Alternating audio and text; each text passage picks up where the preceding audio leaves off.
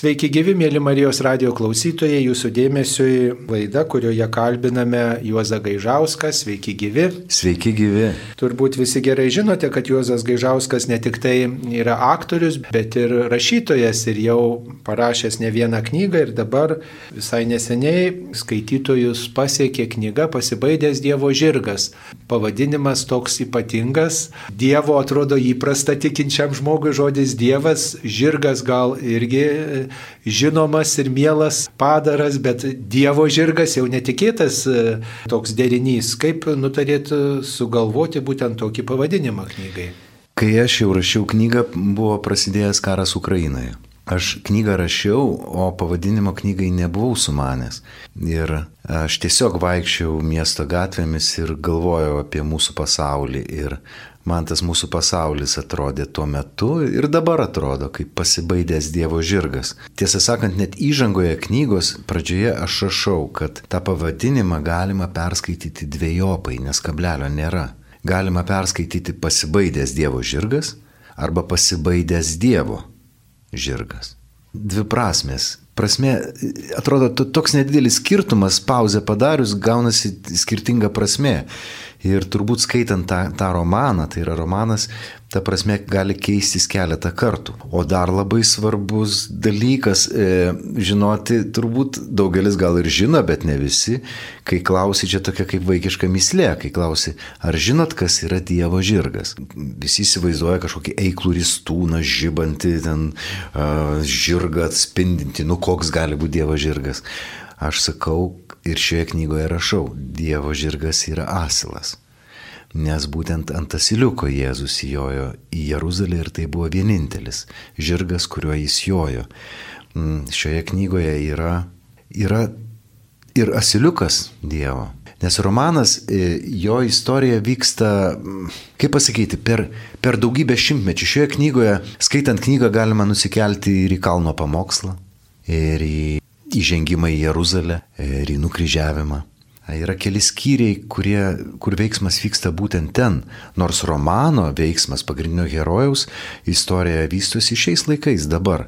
Kas turi nutikti žmogui, kad, kad jis galėtų keliauti neįtikėtiną kelionę ir kokia ta kelionė, tai apie tai knygoje. Tai, tai tas knygoje yra ir to, aš labai atidžiai keletą kartų tas vietas šventajame rašte skaitinėjau, labai atidžiai, nes visada neramu, kai ir atsakomybė tokia atsiranda, kai tu turi parašyti tai, kas yra parašyta šventajame rašte jau literatūros kalba. Papasakoti kalno pamokslą, kaip jisai atrodė jo tamo akimis to asiliuko šeimininko kuris pasirodo mano romane, yra to asiliuko sūrio šeimininkas, kur tą asiliuką paprašė e, viešpatės vardu paimti, kad, kad, kad jis galėtų įžengti į Jeruzalę.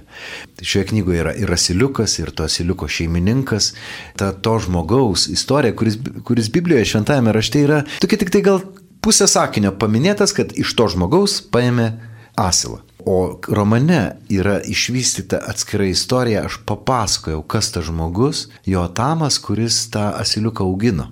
Kaip jis tarnavo Dievui, kaip jis pats sako, romane, kartais nieko nereikia daryti, kartais užtenka tik tai auginti savo gyvulį teisingai ir tu pasitarnausi viešpačiui labiau negu bet kuris kitas. E, čia kaip druska, kuri, tai reikia, kaip, tai reikia būti kaip druska ant stalo, po ranka. Tai reikia būti visada viešpačiui po ranka. Jo tamas taip sako apie savo, apie savo tą asiliuko turėjimą, auginimą, kai kaip druska ant stalo jinai yra visada po ranka, tu visada gali paimti žiupsnelį ir pasūdyti maistą. Apie druską labai daug kalbų šitoje knygoje rašau. Įdomiausia buvo tai, kad kai prasidėjo tas karasgi, buvo toks momentas, kai žmonės puolė į parduotuvės. Aš nežinojau, aš rašiau tuo metu romaną įnirtingai po 18 valandų per parą. Aš ne, nemačiau, kas darėsi. Ir man kaip tyčia pasibaigė namie druska. Ir aš nieko nežinodamas nuėjau parduotuvę. A, aš net prasižiojau, kai pamačiau žmonės tempiančius glebiais druską. Aš stovėjau tada gatvėje, žiūrėjau juos ir galvojau, Bet ta druska jūsų nepasūdys.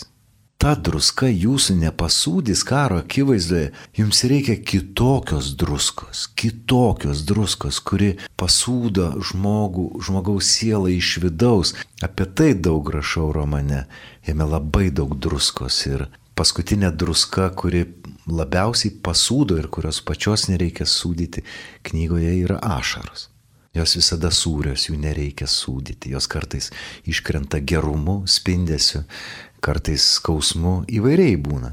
Tai, tai man šita knyga ypatingai brangi, tas, tas romanas man kainavo a, kažkokiu neįtikėtinu pastangų. Aš, aš atsimenu, ypatingai kai rašiau tuos skyrius, kurie buvo iš 33 mūsų viešpatės metų.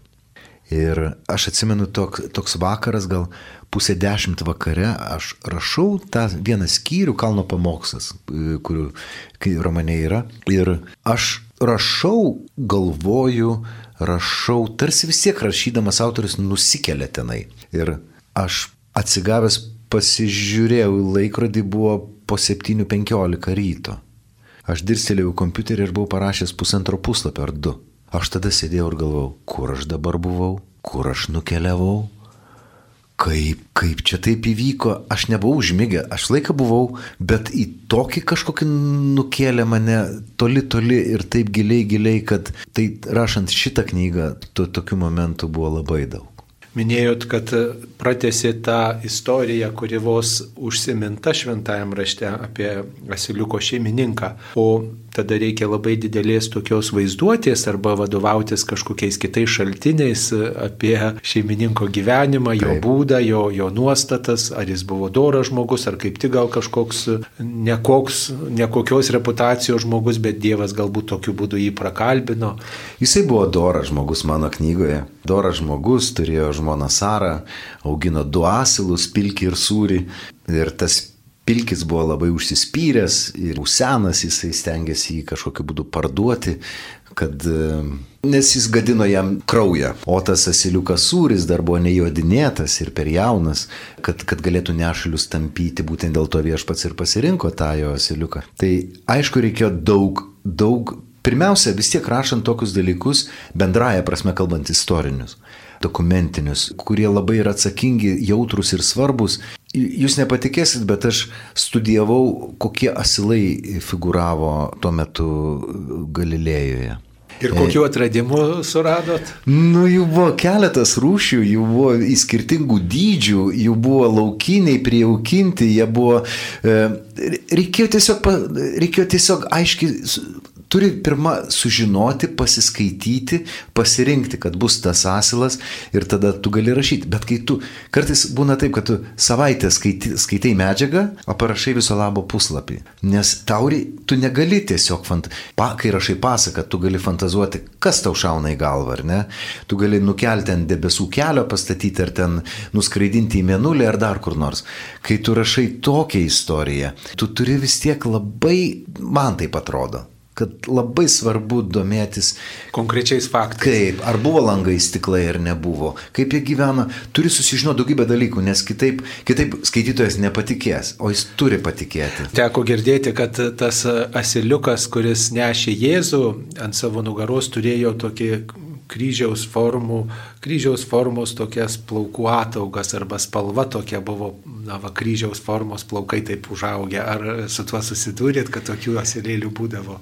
Aš skaičiau apie tai, bet e, šioje istorijoje nebuvo tai svarbu. Nu, ar svarbiausia dalis? Svarbiausia dalis visgi reikėtų pasakyti pačią knygos fabulą. Istorijos negaliu papasakoti turinio, nes aš labai viliuosi, kad radio klausytojai galbūt skaitys šią knygą, bet fabula yra tokia.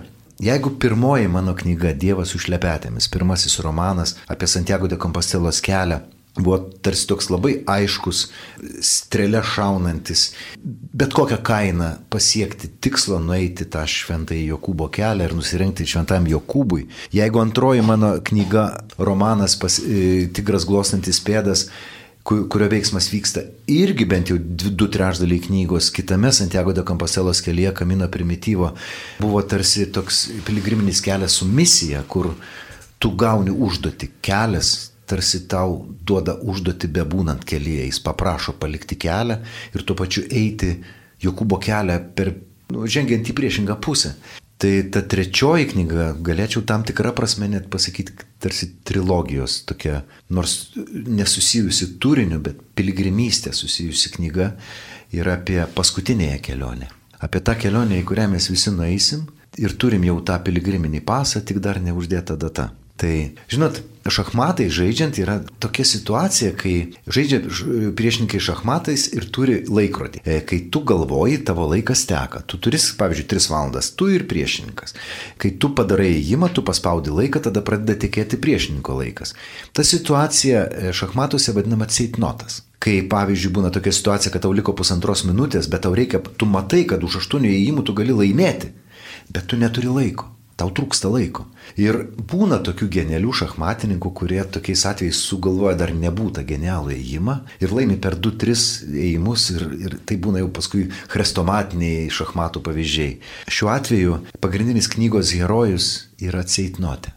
Jo laikas žemėje baigėsi. Ir kalba eina apie atminties praradimo lygą sergantį žmogų, tam tikrą dimenciją turinti žmogų, kurie, kuris dėl tam tikrų dalykų pradžioj, dėl tam tikrų įvykusių skausmingų dalykų, labai skausmingų, labai pažeidžiamų dalykų, nusprendė užmiršti Dievą, o paskui prie to jam prisidėjo reali lyga. Kai jau nebeįmanoma atskirti, ko jis ne, negali atsiminti, o ko jis nenori. Štai tokia dviguba dviguba dimensija ir traumos padarinys žmoguje ir žmogus keliauja į paskutinę savo kelionę ir jis yra ceitnotė, jam reikia prisiminti svarbiausią dalyką, nes knyga prasideda Labai paprastai, tarsi šiaurietiškame mieste, nors ir Vilniuje, stovintis žmogus ir stebintis, stebintis kaip čiožinėja ten žiemą žmonės, slidinėja, šypsosi įstaiga, susivokia, kad jis neatsimena savo vardo. Tada jis susivokia, kad jis nesupranta, kokiais kalba kalba, kur jis gyvena. Ir galiausiai, klaidžiodamas per miestą, jisai suvokia, susitikęs netyčia su kunigu kavinėje ir jį užkalbinės, jisai pokalbio metu paaiškėja, kad jis neprisimena net Dievo. Kas turi nutikti žmogui, kad jis neprisimintų net Dievo? Kunigas, kuris šioje knygoje yra toks lydintis personažas per visą knygą, tai gali būti vienas ar keli kunigai, jisai kalba Kristaus balsu visą laiką. Jam atrodo, kad jis kalba Kristaus balsu, nes jis savo kelionėje nusikelia į kalno pamokslo laikus. Jam tarsi yra suteikiama paskutinė galimybė prieš išeinant nukeliauti visą gyvenimą, nepaisant kuriuose amžiuose būtum, susitikti net ir patį Kristų. Ir tada atsakyti į tą pagrindinį klausimą, e, kuris yra knygoje ir nenori dabar išduoti, ir kartu laimėti tą partiją. Kitaip tariant, sugalvoti tą genialų ėjimą kaip šachmatuose, kai laikas senka ir laimėti amžinybę. Štai tokia yra istorija. Ten yra daugybė ir meilės, ir, ir apmaudo, žučių, skausmo, nevilties. Kartu yra labai juokingų dalykų. Kai žmogus neatsimena, jis papuola į labai juokingas situacijas. Aš tiesą sakant papasakosiu jums istoriją susijusią su tos knygos gimimu. Prieš daugybę metų, 2005 metais, kaip tik mirė popiežius Jonas Paulius II. Jis buvo keletą mėnesių miręs, aš tuo metu kaip tik Vatikane buvau per jo laidotuvės ir mano tėtis tuo metu labai sunkiai sirgo. Jam nebuvo dimencija, jam buvo kita lyga, bet jį kamavo milžiniški skausmai, jam duodavo morfino, kad palengvinti tą skausmą. Ir aš sėdėjau su juo namuose, namie. Ir dieną, aš taip džiaugiausi, kai jis užmygo, nes kai miega, tai neskauda. Ir jis taiga prabudo. Jis prabudo toks žvalus ir sako, oi, kaip aš, kaip mes gerai pasišnekėjom. Sakau, tėti, su kuo tu pasišnekėjai? Su Jonu? Sakau, su kokiu Jonu? Jis pažiūrėjo mane kaip į kokį, nu, sergantį. Tik kaip su kokiu? Nu, tik su Jonu, Pauliu antruoju. Maladėts vyras, mes, sako, su juo arbatos išgeriam. Taip gražiai pasišnekėjom. Aš tuo metu, man toks jausmas kaip su kuoka, kas būtų per galvą tvoje. Aš žiūrėjau jį ir galvojau, kur tu dabar buvai? Kokią kelionę tu ten keliauji, kad gali joje gerti arbatą su mirusiu popiežium? Kas ten yra? Kur? Mums atrodo, kad žmogus tiesiog miršta ir serga, o jis ten keliauja savo galbūt didžiausią piligriminę kelionę, kurioje turi atlikti svarbiausius dalykus, kad kad pasiekti dangų. Tai praktiškai šios knygos romano Pasibaidęs Dievo žirgas pradžios istorija glūdi tame paskutinėme praktiškai susitikime su tėčiu, nes jisai e, po kelių dienų ir mirė. Jūsų knygos pavadinimas dar gali e, ir tokią kitą mintį, ne tik apie Siliuką, kuris nešė Dievą į Jeruzalę, Jėzų Kristų, e, kad jis už visus žmonės pasiaukotų, gali ir kitą tokią mintį pasiūlyti, kad tas žirgas esame ir kiekvienas iš mūsų, nes mes e, priimam Dievą ir jį nešam, priimam Dievą šventoj komunijoje, mes kurie tikintis esam, kurie mažiau tikintis, galbūt jie krikštyti žmonės yra, jie irgi neša Dievą, nes jie yra krikščionis, arba jie kaip tik tai tą Dievą numeta, nenori jo nešti ir, vat, ir jie yra pasibaidę, jie nenori Taip. Dievo būti žmonėmis, nors jie prieėmė gal krikštą, tėvai to norėjo, krikšto tėvai to norėjo. Ar apie tai galvojot rašydamas knygą? Tikrai taip. Netgi, netgi galvodamas tą pavadinimą, aš galvoju apie tai. Aš labai norėjau, kad pavadinimas pats talpintų ne vieną prasme kad tų prasmių būtų net ne dvi kad jų būtų kuo daugiau, kad kaip be pažiūrėsi ir skaitydamas knygą, tu vis atrasi tą prasme.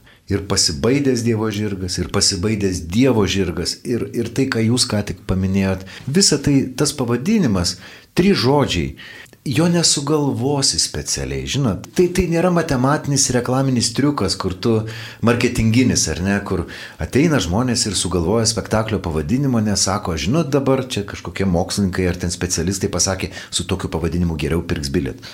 Čia ne apie tai. Aš tiesą sakant, negalvoju apie pardavimus, kai rašau knygas, aš rašau tik tai, kas man iš tikrųjų svarbu, kas mane pati kaip juoza neramina arba tai, kas man rūpi. Tai ir tas pavadinimas, jis būna taip, atsiranda. Taip, tu eini gatveris atsiranda ir tu išgirsti pavadinimą ir tu nežinai, iš kur jis atsirado, kodėl jis atsirado. Jis, kaip dovana. Kaip, kaip dovana, jis atsiranda ir tu po to tu tik supranti, palauk, bet čia kai kablelio nėra, tai tada ir taip ir taip gaunasi. Čia yra apie tą asiliuko šeimininką ir kartu apie mus, paklydusių šiame pasaulyje arba nepaklydų. Nu, labai daug prasmių pavadinime. Tai Tai va ta dovana labai džiugina ir aš labai džiaugiuosi. Knygos viršelis yra toksai suglamžyto, tokios, kad tarsi popierius būtų suglamžytas. Nes man, man regis mūsų pasaulis šiandien toks truputį paglamžytas. Tai čia tas pasibaidimo motyvas turbūt tame suglamžyme. Taip, tarsi, tarsi visi gyvena, kartais net pasakyčiau, per daug gerai ir per daug patogiai. Ir tada atsiranda aikštingumas, tada truputį kas nors ne taip, jau negerai. Kartais reikia patirti sunkumų, kad iš, išsigrynintų žmonių dvasiniai dalykai, kad, kad jie kuo greičiau ir paprasčiau priartėtų prie Dievo ir nu, kiekvienas turi savo kelią nueiti. Vienam tai trunka ilgiau, kitam trumpiau, kitas gal iš vis niekada neteina. Juk, juk man sunku spręsti, bet, bet pastaruoju metu 21 amžiuje stebi, kad būti krikščioniu tai yra toksai kaip, kaip būti albinosu.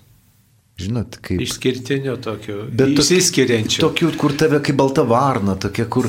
A, ne, tu, tu katalikas, taip, aš katalikas. Ok, tau nieko nesako, bet su tokia lengva, tokia pašaipėlė. Uždeda ten... kažkokią stigmą žymę tau. Taip. Kad tu skiriesi nuo jų kažko. Tai ir, ir tada atsiranda dar didesnis noras atsistoti tvirtai dviem kojom ir sakyti taip, aš esu katalikas ir neformaliai katalikas, bet aš iš tikrųjų esu katalikas. Dar vienas toks aspektas yra, kai skaitom romanus, kurie į savo fabulą, į savo siužetą, istoriją yra įtraukę istorinius asmenis, mums iš kitų kontekstų žinomus įvykius, asmenis, yra toks pavojus visą romano tą siužetą, visą romano istoriją priimti už gryną pinigą. Ar susidūrėt su tokia, su tokia interpretacija savo knygos? Aš galvoju, ten yra viso labo trys skyriai iš tų senųjų laikų knygoje, nu keturi galima sakyti. Tai o skyrių yra virš 30. Tai visgi tai yra tik tai tokie labai aiškus, koncentruoti dalykai, svarbiausi dalykai to personažo, kuris turėjo nukakti, kad galiausiai suvoktų apie kainą, jo gyvenimo prasme. Bet aš suprantu tą klausimą, tas pavojus visada yra, bet aš galvoju, yra ir kita pusė. Aš taip paprastai sakau, jeigu kartais tūlo žmogus niekada nevaikščiantis į bažnyčią, ar niekada neatsivertęs Biblijos, švento rašto, perskaitęs tą knygą, susivilios tai padaryti, atsiversti šventąjį raštą ar užsukti į bažnyčią, tai yra pergalė. Tegul mažyti ten nematoma dulkės dydžio, bet tai yra pergalė. Tai jau didelė pergalė, jeigu žmogus grožinės e, literatūros kūrinio pakviestas e, peržengia bažnyčios lengsti, tai čia, kaip sakant, didelis darbas. Aš susidūriau, atsiprašau, tik į tą patį dar. Susidūriau su panašiu dalyku, kai eina kalba apie Santiago de Compostelos kelią, apie Šventojo Kubo kelią. Po knygos Dievas su šlepetėmis ir tigro glosančių pėdas Aš neturiu skaičių ir aš negaliu jų turėti, nes aš netlieku jokių tyrimų, bet pagal žmonių laiškus, kiek aš jų gaunu, gaunu jų tiesiog šimtais.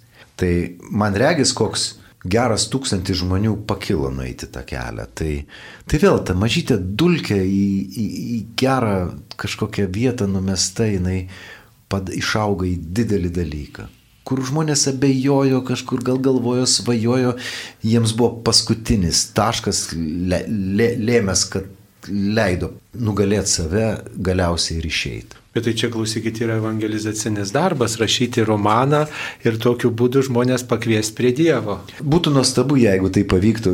Beje, kai aš važiuoju su knygos pristatymais ir savo koncertais, kartais būna kunigai taip pajokauja. Taip, at, atvažiuoji į bažnyčią, nesvarbu, mieste atvažiuoji į bažnyčią ir ten eilinį sekmadienį susirenka jinai pilnutėlė, kartais ir vietų trūksta, tai sako, tave dažniau reikia kviesti. Bent, bent nu, vis tiek, tuo pačiu ir į mišes ateis, tai taip kartais pajokaujam. Bet ateina žmonės tie, kurie nėra alergiški, jie yra pakeliui jau į Dievą visiškai, kad turbūt e, būtų taip nuo taip. nulio ta tikėjimo kelionė nėra taip tų klausytojų, skaitytojų keli. Nes būna tokių, pavyzdžiui, ir tokių laiškų gaunu. Jų labai nedaug, bet gaunu tokio tipo laiškų. Gerai rašote, bet jūsų knygose per daug Dievo. Aš skaitau tokius laiškus ir galvoju, o gali būti per daug Dievo? Apskritai, ar gali būti per daug Dievo? Mes jame tvyrome, mes esame, mes jo sukurti. Kartais iš tiesų gali būti per daug Dievo, kai, kai ir mums netikintiems žmonėms gali būti per daug ta prasme, kad mes apsiprantam nuo to Dievo tai. artumo, nuo, nuo sakramentų, nuo, mums nėra tokio, tokio jau suvokimo, kad čia yra kažkas tokio ypatingo ir, ir apsiprantam kaip su bet kuo kitu būti, kasdienybė. Tai gal tai. tada reikia truputį atsitraukti arba iš kitos kokios perspektyvos pažiūrėti į tą dalyką. Vat, taip galima gal svarstyti šitą sakinį sakinį, tai, tikinčio žmogaus akimis. Taip, bet vis tiek juk aš manau, kad normalus žmogus, normalus tai turiu pasakyti paprastas, paprastas normalus žmogus, jisai skaitydamas knygą vis tiek mato, kad nu, turi matyti, kad parašyta romanas, ar ne? Tai skaitydamas istorijas, kurios nutikusios ten tais e, Kristaus laikais, nu, jis vis tiek, nu, skiria dalykus, kur yra dokumentai, o kur yra romanas, ar ne? Jisai skaito ir jisai suvokia, jo labiau, kad paskui paaiškėja, kad lygos paveiktas žmogus tik tai bando atrasti savo tikėjimą iš naujo. Ar galima prisiminti Dievą iš naujo? Galima prisiminti, kai tavo atminti pasiglemžė lyga. Ar įmanoma tai padaryti? Kokios reikia stiprybės turėti, kokio atkaklumo, kaip reikia belsti, kaip geniu į, į, į, milijoną kartų, kad, kad per tą suaižėjusią, suaižėjusią atmintį, kaip iš trupinių surinkti iš naujo tikėjimą, tai yra neįtikėtinai didžiulis dalykas. Nežinau, vargu ar įmanomas. Reikėtų, kad perskaitumėt knygą, pamatytumėt, aš turiu omenyje klausytojams, kad perskaitumėt knygą ir pamatysite, kaip tai kaip ta mozaika išlėto susidėlioja į bendrą paveikslą. Bet atminties gaivinimas ir tikėjimas tai tokie yra labai tokie artimi dalykai, nes mūsų tikėjimas iš esmės remiasi mūsų praeities patirtimi. Tai ką iš kitų žmonių girdėjau, patyriau, ką e, Dievas man per mano patirtis bylojo, leido suprasti ir, ir tikėjimas tai atsiminimas, kaip viešpats mano keli veikia. Labai, labai teisingai jūs sakote ir aš labai norėjau to, tokį požiūrio kampą atskleisti, kai mes esam įtakojami savo patirties nuo gimimo, nuo gimimo krikšto, augdami nuo aplinkos, yra vienaip. O kai žmogus stovi aplinkybėse tokiuose, kad jis nežino apie ką kalba, kai jam sako, kelinti dabar metai, jam sako 2022. Ir jam kyla paprastas klausimas, aha, o, o nuo ko jie pradėti skaičiuoti? Ir kunigas kantriai jam sako, paprastai žmonija įvykių metus pradeda skaičiuoti nuo labai kažkokio svarbaus pasaulinio įvykio, epochos. Šiuo atveju nuo Kristaus gimimo. Ir tada tas susimasęs klausia, aha, o aš labai atsiprašau, o kas yra Kristus? Tame klausime už, užkotuota tas požiūrio kampas, kaip žmogui tarsi baltam lapui be savo patirties, be savo žinojimo nuo gimimo tėvų pasakojimo, ką jis matė savo išsilavinimo, staiga kaip baltam lapui, kai jis išlėto vėl tas grinumas ir tikrumas, kai tu vėl, kas yra kalno pamokslas, kas yra tas įžengimas, kaip tai atrodo, kaip, kaip, kaip pamato, kaip vaikas, kuris pirmą kartą tarsi pirmą kartą gyvenime pamato apie tai ir, ir kas tada įvyksta su žmogumi. Tai tas požiūrio kampas jis toks yra irgi savotiškas, nes mes dažnai klimpę, vaikai neina į bažnyčią, nes tėvai sakė, kad Dievo nėra, arba, arba dar kaip nors būna. Nu taip nutinka, ta prasme, neretai. Tai šiuo atveju tas tokiu kampu truputėlį yra paslinkta knygoje ir Jis parašytas iš tikrųjų tokiu trileriniu principu. Pradedi skaityti ir neįmanoma suvokti. Man paskui jau skaitytojai rašo. Skaitai negalėti traukti akių. Skaitai, skaitai, bet nesupranti, kas čia vyksta. Ar čia kažkaip šnipas, kas čia, ar jį kas nors gaudo. Ar... Bet žinot, mes esam susidūrę turbūt gyvenime su tai žmonėm, kurie serga demencija, jie išeina, dujas palieka ten, gali namus padegti, nes neatsime. Mums tai yra vargas, kurio reikia rūpintis. O jis to vargo nemato, jis tenai mato visiškai kitokį. Kaip savo pasaulį. Kaip gyvena. savo pasaulį. Todėl iš lėto, kai pradeda iškėti, kas su to žmogum darosi knygoje, tada turbūt ir pasipila tos ašaros, kai paaiškėja, kokią skausmingą gyvenime žmogus istoriją e, turėjo, kas jam nutiko, kad vėl iš naujo turėjo prieš mirtį nukeliauti didelę, didelę ir labai prasmingą kelionę, kad susigražinti iš trupinių, iš, iš trupinio, susigražinti tikėjimą. Na, reikėtų perskaityti tą knygą. Tenai. Toje knygoje daug, daug vilties, jos ypatingai toje karo akivaizdoje, toje tame netikėjime aplinkui. Tokia visada plevena viltis, kad net tavo atkaklumas, tavo tvirtas pasiryžimas, tavo, tavo nuostata, tu tik belsk. Belsk kantriai kaip genys, belsk nesustodamas nors ir tūkstantį metų ir tau bus atidaryta. Nesvarbu, kokios bus aplinkybės, be, be rankų, be kojų, be, be, svarbiausia belsk. Tai man reikės pasaulyje to trūksta, visi tokie ištižę bendraja prasme. Ai, čia eisiu į bažnyčią dabar, lyjegi, žinot. Čia nesunku nueiti 800 km piligriminį kelią, ar ne? O čia pat sunku, ai, paduok distancinį, man, žinai, man sunku atsikelti. Nei tau sunku, nei ką, distancinis guli už dviejų metrų, paduok ką, nu, žinot, kok, va, kokiame mes gyvename pasaulyje. Tuo metu žmonės gyveno, kiekvieną dieną jų tykoja mirtis. Jeigu ne čia, tai ten. Ar iš bado, ar nuo plėšikų, ar nuo valdžios, ar nuo pasikeitusių aplinkybių. Kristaus laikais. Aštriai gyveno žmonės. Juto gyvenimo skonis buvo labai čia pat. Mirtis ir gyvenimas buvo šalia. O mes dabar, žinai, Štai ir atsiranda tokia išti, ištižėlių civilizacija, kur kiekviena, civiliza, kiekviena karta užauga vis labiau ištižusi ir vis, ir vis mažiau, ai, kad tik tai, žinai, atrodo, bel, beliktų iš tikrųjų gulėti, prisimti prie vamsdelio ir tik tai gyventi kažkokį tą nerealų pasaulį, matant kažkokius 6D gyvenimą su visais pojūčiais. O man visada norisi kalbėti apie tikrus dalykus ir svarbius. Tai gal kartais tai kartai, kuri paragauja to ištižimo, išglebimo, tokio reikia paragauti, tokio vargo, nes kito būdo praregėti tiesiog žmogus ne, ne, netranda. Tikrai taip. Ir istorijos ratuose, kai žiūri istorijos vingiuose, matai, kad viskas kartojasi. Tai, ką mes vadinam šiandien ne aš ir ne jūs, bet bendraja prasme mūsų civilizacija, tai, ką šiandien vadina aukščiausia civilizacijos išraiška. Galbūt e, po 50 metų, net gal tiek nereikės, pasaulis taip pat vienu balsu vadins iškrypimu. Čia tik tai šiandien ir šią akimirką tau atrodo, kad taip yra gerai, ar taip yra gerai. O iš tikrųjų viskas priklauso nuo to, nuo to konteksto, kaip pasikeičia pasaulis.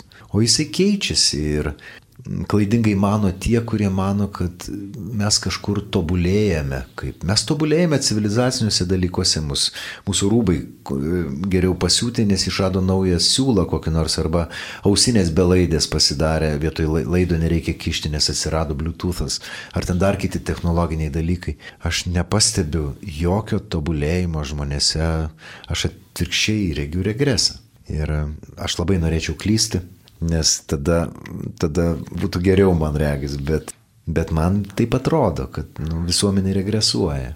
Regresuoja gan sparčiai ir į ką tai nuves? Dažniausiai, kaip rodo pasaulinė istorija, dažniausiai tokiais atvejais ateina barbarai ir sunaikina civilizaciją. Tai buvo ne vieną kartą ir ne du. Tai gal ne, nespartinkim tų laikų, kad čia užeitų tie barbarai. Gal. O ko reikėtų, kad neužeitų barbarai, kaip reikėtų mums praregėti? Remtis į tikrus dalykus. Nieko nėra. Remtis į, į, į Dievą, į, į Jėzų Kristų, į bažnyčią, į tikrus dalykus ir nebijoti apie tai kalbėti.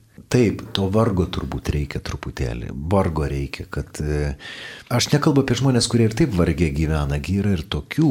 Taip. Aš to žodžiu skiriu ne jiems, aš jiems skiriu laimės, džiaugsmo ir kuo daugiau Dievo palaimos. Bet aš kalbu apie tą bendrą visuomenę, kuri bendraja prasme labai soti.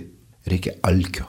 Reikia ne fizinio alkio, dvasinio alkio. Žmonės nebeskaito knygų. Jauni žmonės nebeskaito knygų. Mes įpratę gyventi, žinot, tą YouTube atsiverti 3 sekundės pažiūri, nesudomino vaizdelį, ai jungi, niekas niekam neturi laiko. O laikas yra mūsų ir jį reikia išnaudoti. Tai aš neturiu atsakymą iš tikrųjų, ko reikia. Žinau, kad, kad reikia. Nu, aš bandau kalbėti, bandau savo knygomis apie tai rašyti. Jeigu galėčiau tai pasakyti, bandau žadinti žmonės. Kažkaip bent supurtyti, kas gali, kas skaito, kas, kažkaip sujudinti jų tą, aš tikiu, kad ten niekas neužgesia, kad ten rusena, tik tai tą žarijas reikia sujudinti ir aš bandau tą daryti rašydamas ir tą, tą viltį kažkokią nešti. Ir tu kiekvieną sykį parašai tą knygą, tu sėdi ir galvoji, kaip mažas vaikas, galvoji, nu ką tu gali, nu ką tu gali, nu parašiai, nu bet ar tai pakeis ką nors. Paskui gauni kokį laišką žmogaus ir supranti, kad va vienam pakeitė kažką padarė. Tada, Vertėjo būti prie tada, knygos bemėgės naktis. Taip, tada vėl tarsi atsiranda prasme ir kiekvienas iki rašydamas sukariauji, kovojus ir su savimi, nes tu irgi esi tos pačios sočios civilizacijos kūdikis, tu irgi nori patogiai ištiesti kojas ir gulėti prie baseino, bet, bet tada eini į Šventojo Kubo kelią, keliauji tūkstantį kilometrų ir kažkaip labai išsigrynini ir grįžti labai kitoks ir tada kitaip vertini dalykus, žmonės ir pasaulį ir Dievą. Tai ačiū Juozai, kad jūs žadinat, žadinat mūsų, mūsų žmonės, kad žadinat ieškoti tikrų dalykų, žadinat kūrybingai, rašydamas romanus, kuriuose yra žinia apie Dievą ir knygos kviečia skaityti ir šventą raštą ir svarstyti ir ieškoti, o ko mes baidomės gyvenime, o kas yra mūsų stiprybės šaltinis ir ką mes nešam kitiems. Mėly Marijos radio klausytojai, šioje laidoje jums kalbėjo Juozas Gaižauskas, kuris yra ne tik tai aktorius, matomas spektakliuose ir įvairiuose televizijos projektuose, bet taip pat ir knygų autorius, rašytojas, jau štai išleidęs keletą knygų ir dabar kalbėjomės apie jo knygą Pasibaidęs Dievo žirgas. Ir patys galit padėti kablelį toj vietoj, kur jums atrodys tinkama, nes šio laikinis menas ir turi tą savybę įtraukti klausytojus, žiūrovus, skaitytojus būti bendra autoriais vieno ar kito kūrinio, o ypatingai pritaikyti savo gyvenime vieną ar kitą mintį. Jeigu tikrai šita knyga pakvies jūs labiau tikėti, atrasti Dievą, jo nesibaidyti, tai autorius bus turbūt laimingas. Tai ačiū Juozai, būkite palaimintas visuose savo projektuose. Ačiū Jums, linkiu visiems Marijos radio klausytojams nuostabių metų linkiu daugiau tos dvasinės druskos ir labai viliuosi, kad perskaitę šią knygą kablelį padės tinkamoje vietoje. Ačiū, sudė. Sudėjau.